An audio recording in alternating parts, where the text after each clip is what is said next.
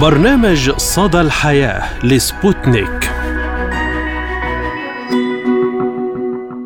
مرحبا بكم مستمعينا الكرام في حلقة جديدة من برنامج صدى الحياة أقدمه لكم من استديوهاتنا في موسكو أنا فرح القادري. نتحدث اليوم عن مواضيع متنوعة وأهم الأخبار التي كانت ترند لهذا الأسبوع.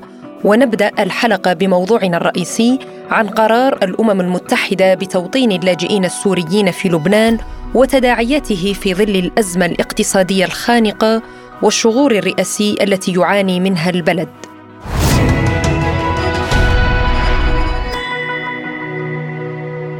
نتيجة للظروف الصعبة التي تخلفها الحروب وتدفع بالملايين من الناس إلى الخروج والهروب من بلدانهم نحو بلدان مجاورة تتفاقم تداعيات أزمة النزوح واللجوء التي تتحملها البلدان المستضيفة. فالأزمة السورية التي بدأت منذ عام 2011 وجعلت من عدة بلدان تستقبل ملايين النازحين واللاجئين خاصة في البلد المجاور لبنان. لبنان الذي يعاني من أزمات اقتصادية وسياسية واجتماعية خانقة حيث يقدر الأمن العام اللبناني عدد السوريين المقيمين في لبنان بمليونين وثمانين ألف لاجئ معظمهم لا يملكون أوراقا نظامية في حين تظهر بيانات المفوضية الأممية لشؤون اللاجئين أن المسجلين لديها يبلغ عددهم 840 ألف لاجئ ويوجد نحو 3100 مخيم منتشرة على الأراضي اللبنانية معظمها في البقاع والشمال. ويشار إلى أنه في العام الماضي بلغ عدد النازحين السوريين العائدين طوعا إلى سوريا نحو 43 ألف نازح وذلك بعد استئناف عملية العودة والتي كانت قد توقفت لمدة ثلاث سنوات نتيجة الحجر الصحي الذي فرضته جائحة فيروس كورونا المستجد. وفي خطوة جديدة أعلن النائب الفرنسي في البرلمان الأوروبي تيري مارياني والذي أكد أن البرلمان الأوروبي صوت بأغلبية ساحقة على قرار يدعم إبقاء اللاجئين السوريين في لبنان. فلماذا يعرقل الغرب إعادة اللاجئين السوريين من لبنان؟ وهل هذا القرار ورقة ضغط أم ابتزاز؟ للبنان. لمناقشة هذا الموضوع أكثر نستضيف معنا من بيروت وزير شؤون المهجرين في حكومة تصريف الأعمال اللبنانية عصام شرف الدين. أهلا وسهلا بك معالي الوزير وشكرا لتلبيتك الدعوة اليوم معنا في برنامج صدى الحياة. إيه أهلا وسهلا. نعم يعني هذا القرار الذي صوت عليه البرلمان الأوروبي بإعادة توطين اللاجئين السوريين في لبنان. برأيك ما سبب هذه الخطوة؟ هو صراحة القرار صدر عن البرلمان الأوروبي والبرلمان الأوروبي يمثل رأي الاتحاد الأوروبي وهم أخطأوا معنا مرتين مرة آه، خلال مؤتمر بروكسل وإعلان مسؤول الاتحاد الأوروبي السياسي السيد جوزيف بوريل بانه ما راح يتعاون حتى بال بالعودة الطوعية إلا ما يكون في مراقبين أوروبيين. وبنفس الوقت هم كاتحاد أوروبي يرفضون تشكيل لجنة ثلاثية بين سوريا ولبنان والمفوضية. يعني في تناقض هون والموضوع أهدافه سياسية. جاء قرار البرلمان الأوروبي الأسبوع الماضي مجحفا وجائرا وكأنه آه، وصاية علينا. وهذا يعني أسلوب استعماري. نحن انشجبناه كحكومه كبرلمان وكرأي عام لبناني. ورح يرتد عليهم لأنه هيبتهم فقدوها. سيما أنه الإملاءات الأمريكية عليهم بالتورط بحرب روسيا اوكرانيا بلشت شعوبهم كلها عم تستن يعني عم تستنكر وتشرب هيدي الحرب لأنه أموالهم ومداخيلهم وكل أرصدتهم استنفذت حتى دخائلهم العسكرية استنفذت بهذه الحرب. وبالتالي آه رح ينعكس كل هالمواقف عليهم إن شاء الله قريبا. نعم يعني هل برأيك هي ورقة ضغط على لبنان أم ابتزاز في ظل الشغور الرئاسي خاصة بعد الاجتماع الخماسي الأخير في الدوحة لاختيار رئيس إلى لبنان؟ نعم نعم.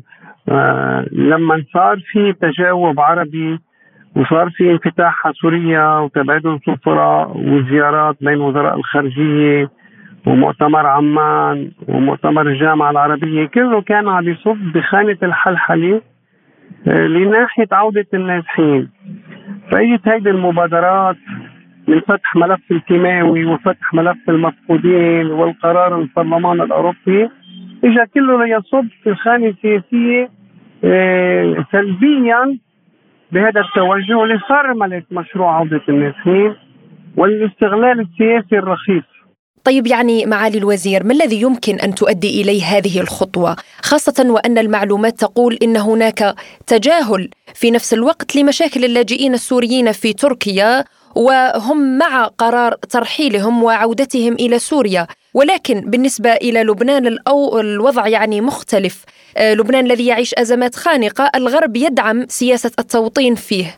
نعم هم لبنان مستضعف ولبنان محاصر اقتصاديا مثل مثله مثل سوريا وقانون قيصر اللي اثر فيه. ولبنان منهك اقتصاديا وقد تم إفقار لبنان بمشروع ممنهج تمهيدا للتوطين يلي ما صار على أيام بومبيو وترامب بال 2017 بمشروع صفقه القرن. كانوا عم يبحثوا بتوطين الفلسطينيين مقابل دعم مادي. هلأ هن شايفين المتوهمين إنه الأرضية خصبة بطرح موضوع إبقاء السوريين وهو مشروع توطين. هاي الأهداف سياسية ومعروفة وهون العالم الحر منظمة حقوق الإنسان. والاتحاد البرلمانيين الدوليين والجامعة العربية. نحن بنناشدهم يوقفوا معنا. ما حدا وصي علينا. وهذا الموضوع مرفوض. حتى في برلمانيين بأوروبا معنا. موقف ميلوني وزير رئيس وزاره إيطاليا كثير موقف مشرف بهذا الموضوع. وموقف موقف آه، تيري مارياني النائب الفرنسي مشرف ينتمي لكتله ماري لوبان. إذا نحن عندنا كمان آه، ثلاث دول آه، ما صوتت هودي بنعتبرهم اصدقاء مع اللجنة السداسية المفروض نحن نعمل لوبي للحراك في وجه هذا المستعمر. نعم قلت معاليك أنهم يريدون إفقار البلاد ويجدون الآن الأرضية خصبة لتنفيذ مشروع التوطين، كيف برأيك ستكون ردة فعل لبنان على هذا القرار؟ يعني هل سيرضى به أم سيلجأ إلى منظمات دولية أخرى للمطالبة بمساعدته غير يعني الأمم المتحدة؟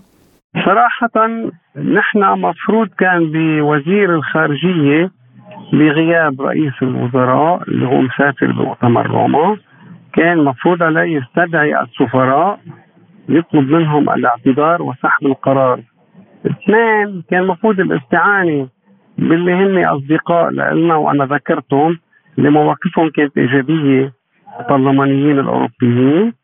وباللجنة الثلاثية من وزراء الخارجية أن الدول الواجدة بالجامعة العربية. المفروض ينعمل لوبي. وهيدي مهمة وزير الخارجية وأنا حأطرح الموضوع بكرة بجلسة مجلس الوزراء من خارج جدول الأعمال. نعم يعني في سؤال أخير معالي الوزير. عام 2016 المتحدث باسم الأمم المتحدة قال إن المنظمة لا تطالب لبنان بتجنيس السوريين بل تطالب بتعزيز الاندماج الاجتماعي. اليوم سوريا عادت إلى جامعة الدول العربية ويعني الأوضاع في تحسن آه، من الجانب السوري. لماذا جاء هذا القرار في هذا التوقيت تحديدا؟ ويعني في فترة الشغور الرئاسي في لبنان برأيك؟ هذا ضغط سياسي على السلطة بسوريا لأنه هم عندهم مصالح بشمال شرق سوريا وهم يستفيدون من النصب المتوافر هناك واللي عم يسحبوه لمصلحتهم ومصالح حلفائهم قسد والدواعش. وهي بيستعملوها ورقة ضغط قد بيستعملوها ورقة ضغط خلال مفاوضات مرتقبة لاحقا لتحصيل أكبر حصة من من موضوع النفط واستنباط النفط. وعندهم مشروع مد أنابيب من كركوك إلى بنياس مرورا بالدولة السورية. عندهم مصالح عم بيجربوا يضغطوا. هيدي وحدة من أوراق الضغط بسوريا. وبلبنان مثل ما بنعرف ذكرت لك موضوع صفقة القرن هم يتوهمون أنه اليوم هذا الموضوع بيقدروا يستفيدوا منه مثل ما استفادوا منه بترسيم الحدود لمصلحة الدولة الإسرائيلية.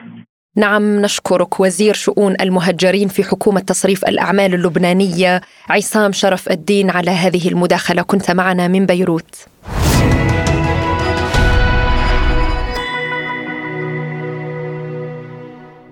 وأيضا نستضيف معنا الكاتب السياسي اللبناني الأستاذ توفيق شومان من بيروت أهلا وسهلا بك وشكرا لتواجدك اليوم معنا في برنامج صدى الحياة. تحياتي إليك ولكل المستمعين. نعم يعني نتحدث عن هذا القرار قرار توطين السوريين في لبنان ما هي قراءتك له في هذا التوقيت تحديدا يعني واضح تماما بأن الاتحاد الأوروبي يتعاطى مع الأزمة السورية بأنها أزمة مستمرة وبالتالي بأن الحرب ما زالت مستمرة وبأن الحل السياسي لا يزال بعيدا. لذلك يعمل الاتحاد الأوروبي والغرب بصورة عامة إلى اعتقال السوريين خارج أراضيهم.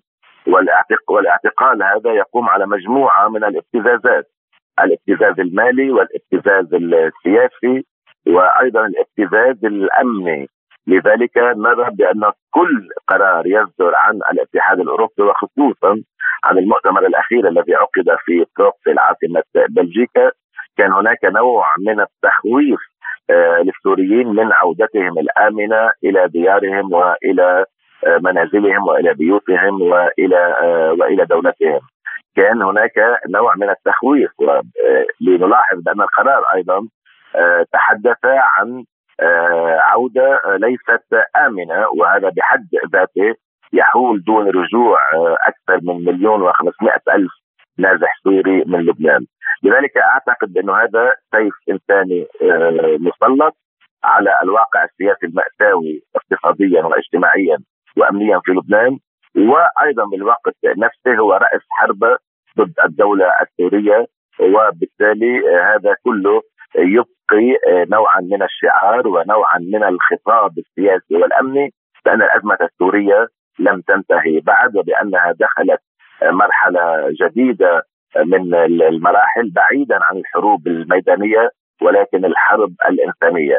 يعني يحاول الاتحاد الأوروبي أن يصور الدولة السورية بأنها لا تريد عودة النازحين وبالوقت نفسه فالاتحاد الأوروبي والغرب من ورائه بصورة عامة يعني يعمل على زرع الشكوك الأمنية في نفوس مئات الآلاف من النازحين السورية والحقول دون عودتهم إلى ديارهم. نعم يعني هل برأيك أن الحل الأمثل الآن هو توطين النازحين واللاجئين آه، في لبنان؟ يعني آه، تداعيات هذا النزوح على اللبنانيين طيلة هذا هذه السنوات. يعني على الأقل محاولة إدماجهم. يعني نحن نتحدث تقريبا عن 12 سنة من عمر النزوح السوري في لبنان. وبالتالي هناك يعني عشرات الآلاف من المواليد الجدد الذين ولدوا على الأرض اللبنانية. وهناك أيضا عشرات الآلاف الآخرون أيضا جاءوا في عمر صغير يعني جاءوا اطفالا وأصبحوا الآن شبابا. وبالتالي تكيفوا مع الواقع السياسي اللبناني ومع الواقع الاجتماعي ومع الواقع العملي أيضا. ربما كثير من هؤلاء أيضا عندما يسمعون قرارات الاتحاد الأوروبي أو يقرؤونها أو على الأقل يحلون رموزها السياسية يعني يتصورون بأن سوريا ليست وطنهم وبالتالي فإن الواقع الاجتماعي الذي عاشوا به وتربوا به في لبنان هو الذي يجب أن يتم التكيف معه. لذلك أعتقد يعني على الأقل إذا لم يقل الاتحاد الأوروبي لأنه إن لم يقل حرفيا أقصد بأنه لا يريد توطين النازحين السوريين على الأقل يريد بقائهم آه، في الأراضي آه، اللبنانية مع مع ما يدرك تماما مع الإدراكات التامة أيضا من قبل الاتحاد الأوروبي وغيره من دول من دول الغرب لأن الواقع الاجتماعي والسياسي والأمني والاقتصادي في لبنان لا يتحمل عبء هذا النزوح. لكن بالوقت نفسه أعتقد أيضا بأن الاتحاد الأوروبي يعني يعمل على تحويل لبنان إلى سد مانع وعائق دون هجرة النازحين السوريين آه، إلى إلى دول الاتحاد الأوروبي. يعني في ظل هذا المشهد أيضا الكل يعرف بأنه بعد العام 2011 بدايه الأحداث في سوريا أو بدايه الحرب في سوريا آه، يعني أكثر تقريبا من مليونين نازح وصلوا إلى آه، دول الاتحاد الأوروبي المختلفة.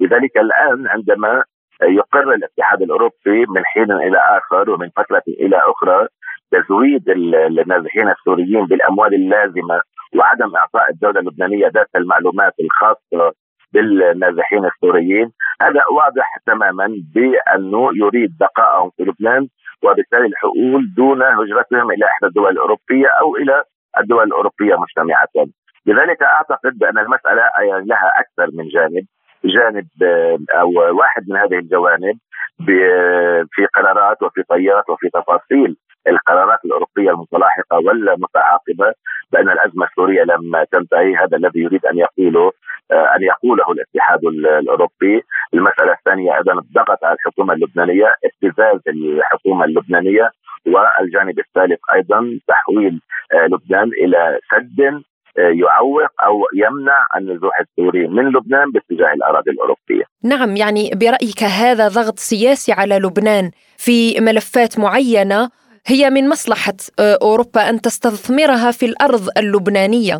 بدون بدون شك بدون بدون بدون شك. هذه يعني من المعطيات ومن الوقائع ومن الدلالات أيضا التي والأهداف أيضا التي يريدها الاتحاد الأوروبي.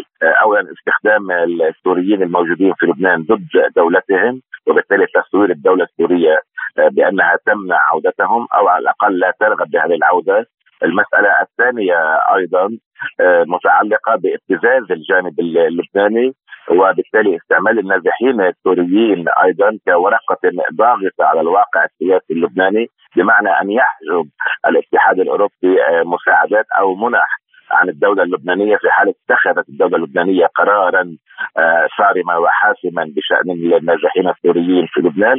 والمسألة الثالثة أو الجانب الثالث هو الجانب الذي تحدثت عنه قبل قليل والمتعلق أيضا بإبقاء النازحين السوريين للحفاظ على ما يعتبره الأوروبيون الأمن الأوروبي، الأمن الاجتماعي الأوروبي.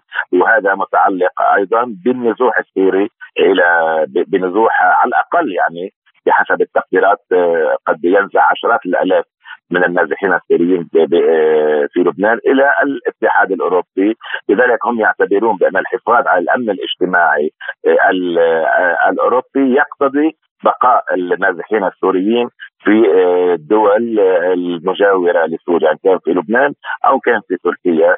آه، على الأقل يعني من هاتين الدولتين آه، نشهد من فتره إلى أخرى موجات من النزوح السوري.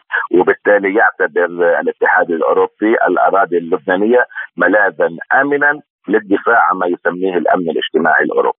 نعم نشكرك الكاتب السياسي اللبناني الأستاذ توفيق شومان على هذه المداخلة. كنت معنا من بيروت. تحياتي.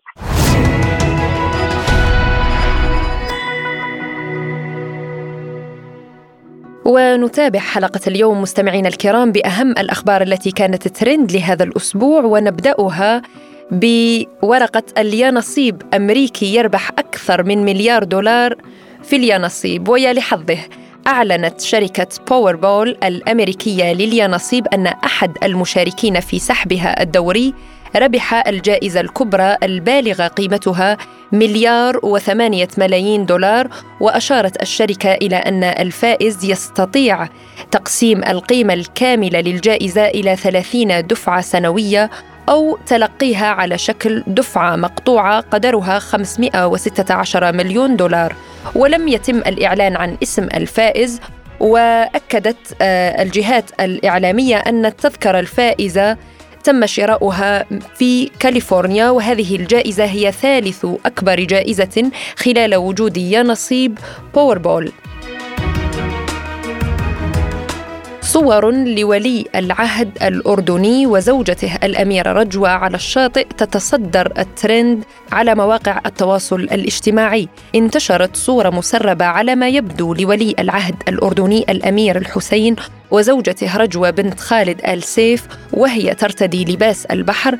قيل أنها التقطت لهما أثناء إجازة في كابو بالمكسيك وتم نشر الصورة على أحد المواقع الإعلامية يتحدث عن العلامة التجارية لزي السباحة الذي كانت ترتديه الأميرة رجوة. وبعدها انهالت التعليقات على مواقع التواصل الاجتماعي خاصة عبر تويتر بين من اعتبروا الأمر غير لائق وآخرون اعتبروا الأمر انتهاك خطير لخصوصية العلاقة وحياة الأميرين. نواب كويتيون يقترحون حظر عمليات التجميل إلا بشروط محددة وسط جدل كبير بمواقع التواصل الاجتماعي حيث تقدم خمسة نواب في مجلس الأمة الكويتي باقتراح قانون يحظر إجراء عمليات التجميل والوشم بالعيادات والمراكز الصحية ويقضي المقترح بألا يتم إجراء هذه العمليات إلا في مستشفى عام أو خاص بشرط ضرورة إجراء عمليات التجميل في الوجه أو الأصابع واختار وزارة الداخلية قبل العملية وبعدها مع حبس المخالف مدة لا تتجاوز خمس سنوات وغرامة لا تقل عن ألف دينار كويتي. وأثار هذا الاقتراح جدلا بمواقع التواصل الاجتماعي حيث علق أحدهم وقال أتوقع سن القوانين الصارمة على الوشم موفق من الناحية الطبية لأن الوشم قاعد يتسوى بمعدات ما تتعقم بطريقة صحيحة في الصالونات والبيوت وتعتبر إبرة الوشم من أحد مصادر نقل داء الكبد الوبائي ومرض نقص المناعة المكتسبة. فيما رد آخر عليه بالقول كلام سليم دكتور لكن لا يتناسب مع المرحلة ولا طموح الشعب ولا وظيفتهم الحالية. كمشرعين وبصراحة المشكلة منبعها الجهل واستخدام التعليم والتربية بطريقة حل الامتحان وأخذ نسبة فقط بدون توجه ولا هدف غير عدم تقنين الإعلانات المغرية لبسيطين العقول والنفوس من هالعيادات اكتشاف تابوت من الرصاص عمره 2000 عام داخل مقبرة في غزة. أعلنت وزارة السياحة والآثار في غزة العثور على تابوت ثان مصنوع من الرصاص خلال أعمال البحث والتنقيب داخل مقبرة اكتشفت عام 2022 شمالي القطاع تعود للعهد الروماني. وبحسب مديرية الآثار في غزة فإن التابوت الأخير يعود لشخصية ذات منصب رفيع في العصر الروماني وسينقل لمقر وزارة السياحة والآثار لإجراء الدراسات والأبحاث بمساعدة خبراء وعلماء دوليين. وتعود هذه المقبرة إلى العصر الروماني قبل 2000 عام. وتم كشف تابوتين من الرصاص واطلع عليهما الخبراء ووضع التابوت الأول في متحف قصر الباشا وتم استقبال المواطنين وكذلك الخبراء الأجانب للاطلاع عليه. وتبلغ مساحة المقبرة الرومانية حوالي أربعة آلاف متر مربع وكذلك تم اكتشاف 125 قبر لغاية الآن. ويتوقع الخبراء اكتشاف المزيد من القبور والحصول على معلومات مهمة حول تلك الفترة. وقد كان الرومان قد خصصوا المقبرة التي تعود إلى القرن الأول والثاني والثالث ميلادي لدفن موتاهم خارج أسوار المدينة حسب معتقداتهم. وفق ما أعلنت عنه وزارة السياحة والآثار كما شيدت القبور بالحجارة وبأشكال مختلفة كشفت عن أسرار المعتقدات الرومانية في طريقة الدفن وتعد غزة من مدن العالم القديمة إذ خضعت لحكم الفراعنة والإغريق والرومان والبيزنطيين ثم العهد الإسلامي. الشيف التركي بوراك يثير تفاعلا بمواقع التواصل الاجتماعي بعد أن ظهر بملامح حزن وحسرة نشر الشيف التركي الشهير بوراك أوزدمير مقطع فيديو له في أول ظهور على مواقع التواصل الاجتماعي بعد خلافه مع أبيه حيث بدا عليه الحزن والحسرة ما أثار تفاعلا. وشارك الشيف بوراك على حسابه في إنستغرام مقطعا مصورا ظهر فيه وهو يجلس مبللا من ماء نافورة خلفه حيث تبدو عليه ملامح الحزن والحسرة وعلق بالقول أتمنى لكم ليلة سعيدة. وتفاعل مرتادو مواقع التواصل الاجتماعي مع هذا المقطع معربين عن تضامنهم مع الشيف بوراك حيث عبروا عن حزنهم كذلك لما حصل بينه وبين والده مؤخرا. ونشير هنا إلى أن الشيف التركي بوراك أوزمير آه، رفع دعوى قضائية ضد والده بتهمة الاحتيال لبيعه حقوق استغلال اسم بوراك إلى رجل أعمال أجنبي وقال الشيف التركي الأشهر عبر مقاطع فيديو إن والده باع حقوق استغلال اسمه إلى رجل الأعمال الذي فتح مطعما لا يمت بصله لسلسلة مطاعمه المعروفة وستعقد في سبتمبر المقبل جلسة الاستماع في القضية التي رفعها الشيف بوراك والذي حذر من استغلال اسمه وقال لا تثق بمن سرق اسمي وصورتي كما أكد أنه سيواصل مسيرته في عالم الطهي بمفرده وقال إنه لا يمتلك أي مطعم يحمل اسمه الآن باستثناء مطعم وحيد في مركز تجاري في إسطنبول. وبحسب وسائل إعلام تركية فإن الأزمة بين بوراك ووالده قد بدأت في فبراير الماضي بعدما قدم الابن مساعدات لضحايا الزلزال فيما اعترض الأب على أنشطة ابنه الخيرية وقطع علاقته معه.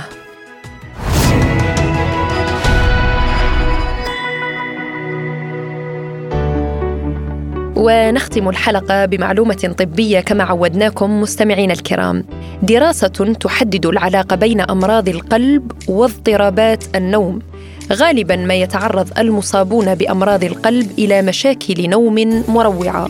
والآن حدد العلماء ارتباطا مباشرا بين هذه الحالات لأول مرة في دراسة جديدة أجريت على الفئران والأنسجة البشرية. وأظهرت الدراسة التي نشرت في المجلة العلمية ساينس أن أمراض القلب قد تعرقل إنتاج هرمون النوم الميلاتونين في الدماغ بسبب تلف مجموعة من الأعصاب التي تتصل بكلا العضوين. وتوجد هذه الأعصاب في الرقبة وهي جزء من الجهاز العصبي اللا ارادي الذي ينظم العمليات اللا اراديه في الجسم مثل التنفس ومعدل ضربات القلب. ونظرا لأن الأعصاب التي تنشأ من العقده الرقبية العلوية تتصل بكل من القلب والغدة الصنوبرية وهي بنية الدماغ الدقيقة المسؤولة عن إنتاج الميلاتونين فإن المشكلات المتعلقة بالقلب يمكن أن تفسر سبب انحراف صانع الميلاتونين في الجسم عن المسار الصحيح. وقال كبير مؤلفي الدراسة ستيفن إنجلهارت أستاذ علم العقاقير والسموم في الجامعة التقنية في ميونخ في بيان له تخيل العقدة على أنها صندوق تبديل كهربائي. في حالة مريض يعاني من اضطرابات في النوم عقب مرض قلبي. يمكنك التفكير في مشكلة في أحد الأسلاك ما يتسبب في اندلاع حريق في صندوق التبديل ثم انتشاره إلى سلك آخر. ويعد النضال من أجل النوم أحد الآثار الجانبية الشائعة لأمراض القلب. على سبيل المثال يعاني ما يصل إلى 73% من المصابين بقصور القلب من أعراض الأرق. وأظهرت الدراسات السابقة أن مستويات الميلاتونين تنخفض لدى المصابين بأمراض القلب لكن إلى غاية الآن العلماء لم يعرفوا السبب. وفي هذه الدراسة الجديدة حلل الباحثون عينات من أنسجة المخ البشري مأخوذة من مرضى القلب المتوفين ومن أشخاص غير مصابين بأمراض القلب وكشف التحليل ما بعد الوفاة على أن انخفاض عدد الألياف العصبية أو المحاور العصبية في العقدة الرقبية العلوية للأشخاص الذين يعانون من أمراض القلب مقارنة مع مجموعة التحكم لقلب صحي وكانت العقدة الرقبية العلوية للأفراد المصابين بأمراض القلب متضخمة بشكل ملحوظ.